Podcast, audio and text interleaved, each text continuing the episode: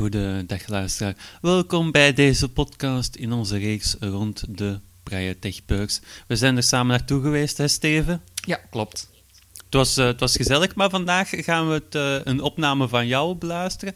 Je had een, een gesprekje over de VAIO. Ja, we gaan dus Eh, die opname onder de loep nemen, zal ik maar zeggen, want het gaat over lupus.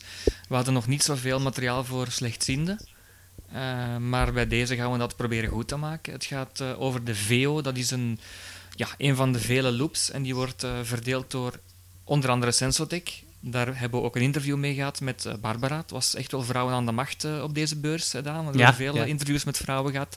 Ja, Dat horen en zien we graag. Ehm, en zij gaat nu iets uitleggen over de VEO. V-E-O. ik ben zeer benieuwd. VEO op zich, dat is gewoon een beeldscherm. En hoe noemt hij de? VEO. VEO. De Videomatic VEO, dat is eigenlijk een opvolger van de Videomatic Lux van vroeger. Mhm.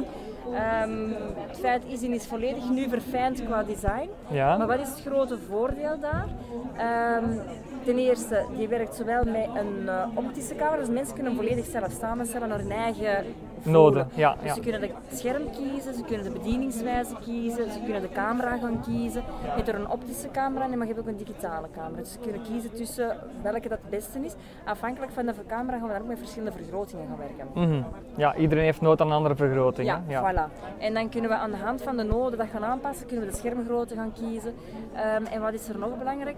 Nu is het ook zo dat je dat scherm verticaal kunt zetten. Ja. Is dat belangrijk voor velen? Misschien niet voor iedereen, maar je kunt dat wel in krantenkolommen doorlezen. Voor zij die geen te grote vergroting hebben, mensen die veel met cijfers werken, is dat ook weer evident, omdat ze in tabellen langer naar beneden kunnen een overzicht houden. Mhm. ja. Ehm, wat is er heel belangrijk? Zij werken met de NELE-technologie. De, de Nelen-technologie. Nelen. Mhm. Ja, en dat heeft een naam. Hè. Wat doet dat eigenlijk? Dat is een antireflectie.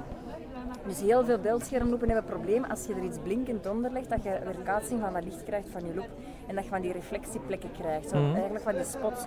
Hier kun je eigenlijk die antireflectie uitschakelen.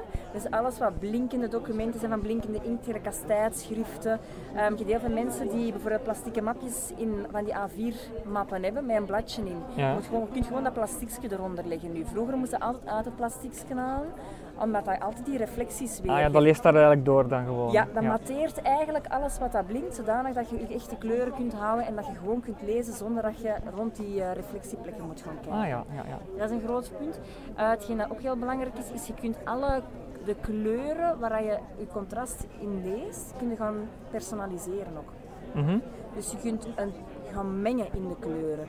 En gaan mengen wil zeggen dat je rood, blauw en groen bij wijze van spreken kunt gaan mengen zodanig dat je een fuchsia lijn gaat krijgen, een gele lijn gaat krijgen, dat die leeslijnen, maar ook je contrastkleuren voor te lezen echt op je maat kunnen gezet worden. Ja, ja, ja. Dat zijn de grootste troeven van eh, de VEO. Deze podcast werd gerealiseerd door TechTouch Team.